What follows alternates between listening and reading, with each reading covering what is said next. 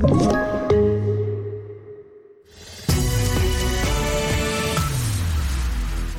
är TV4-nyheterna där vi kan börja med att berätta att flera liv kan ha räddats tack vare uppmaningen till äldre att undvika miljöer med mycket människor under pandemins början. Just äldre har ju stått för den största delen av coronarelaterade dödsfall i Sverige.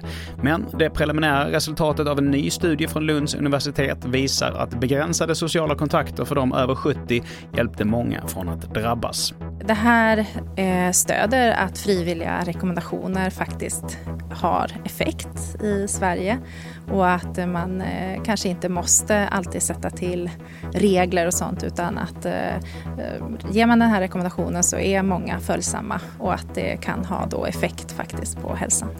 Och här hörde vi Tove Fall, professor vid Uppsala universitet. Och vi fortsätter med att personalen larmar om dygnslånga köer på Södersjukhusets akutmottagning, det rapporterar Aftonbladet. Bristen på personal innebär att många får vänta länge på rätt diagnos och nu finns det en oro att det även kommer att vara så här efter sommaren. Enligt sjukhusets budget ska det sparas in 79 miljoner kronor under kommande år. Och till sist, OS. Idag är det ju final i damernas stavhopp klockan 12 och då håller vi tummarna för Angelica Bengtsson.